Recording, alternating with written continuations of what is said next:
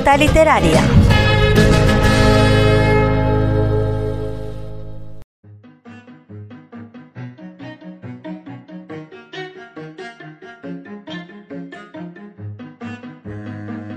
En una de mis últimas visitas a Londres, y en concreto al barrio de Whitechapel, encontré un mural que me llamó bastante la atención. El dibujo escenificaba una alegoría de Alicia, el personaje más famoso de sus libros, pues todos conocemos a Alicia en el País de las Maravillas. Aquella cara inocente que mostraba Alicia estaba dibujada en los ladrillos de la pared de un bar, mientras unos ojos brillantes, supuestamente los de un gato, nos alertan del peligroso submundo que encontraremos ahí dentro. Hay que recordar que Lewis Carroll publicó su primera novela en 1865, cuando Londres ofrecía su peor imagen en barrios tan humildes como el de Whitechapel, y para muchas de las mujeres que lo habitaban, la prostitución era un negocio de fácil acceso y el cual algunas de ellas se veían obligadas a ejercer para salir adelante.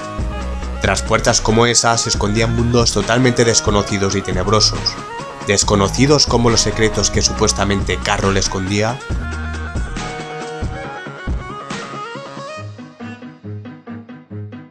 Las acusaciones de pederastia han ido incrementando conforme los expertos fueron analizando el libro. Y no solo el libro, puesto que Carroll también trabajó como fotógrafo profesional.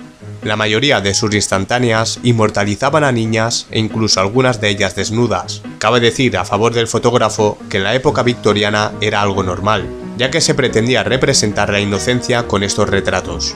Además de no recoger ninguna demanda por abusos sexuales, Lewis llegó a fotografiar a grandes eminencias, como el pintor John Everett Millais, autor del óleo Ofelia.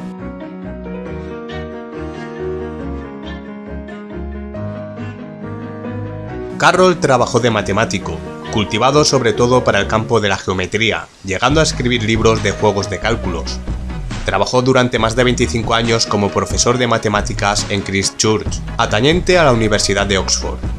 El propio colegio obligaba a sus trabajadores a progresar en el ámbito eclesiástico, pero Carroll no pasó del puesto de diácono.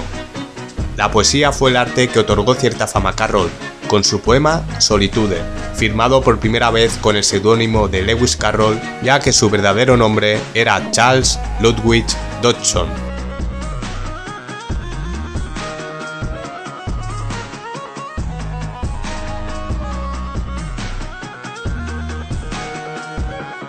Alicia en el País de las Maravillas no fue publicado hasta 1865, cuando su autor ya llevaba una década con la idea de escribir un buen libro que pudiera vender con facilidad.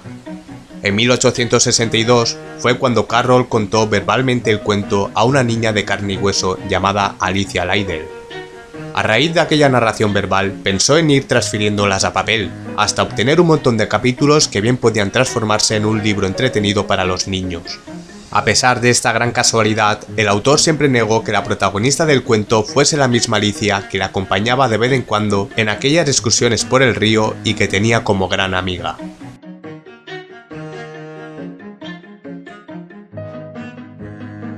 Y como no, al igual que en tantas obras maestras de la literatura, podremos encontrar disfrazadas, porque hay que recordar que Alicia en el País de las Maravillas es un libro infantil, críticas y objeciones hacia la sociedad de la época, aunque para mí, de lo más curioso que rodea a Lewis Carroll es que fue acusado en 1996 de haber sido el mismísimo Jack el Destripador. Unas acusaciones basadas en libros de Carroll con escritos y pistas que supuestamente ocurrirían en el futuro, concretamente 18 años después. Desde luego que todo una sorpresa. Hasta la próxima semana amigos.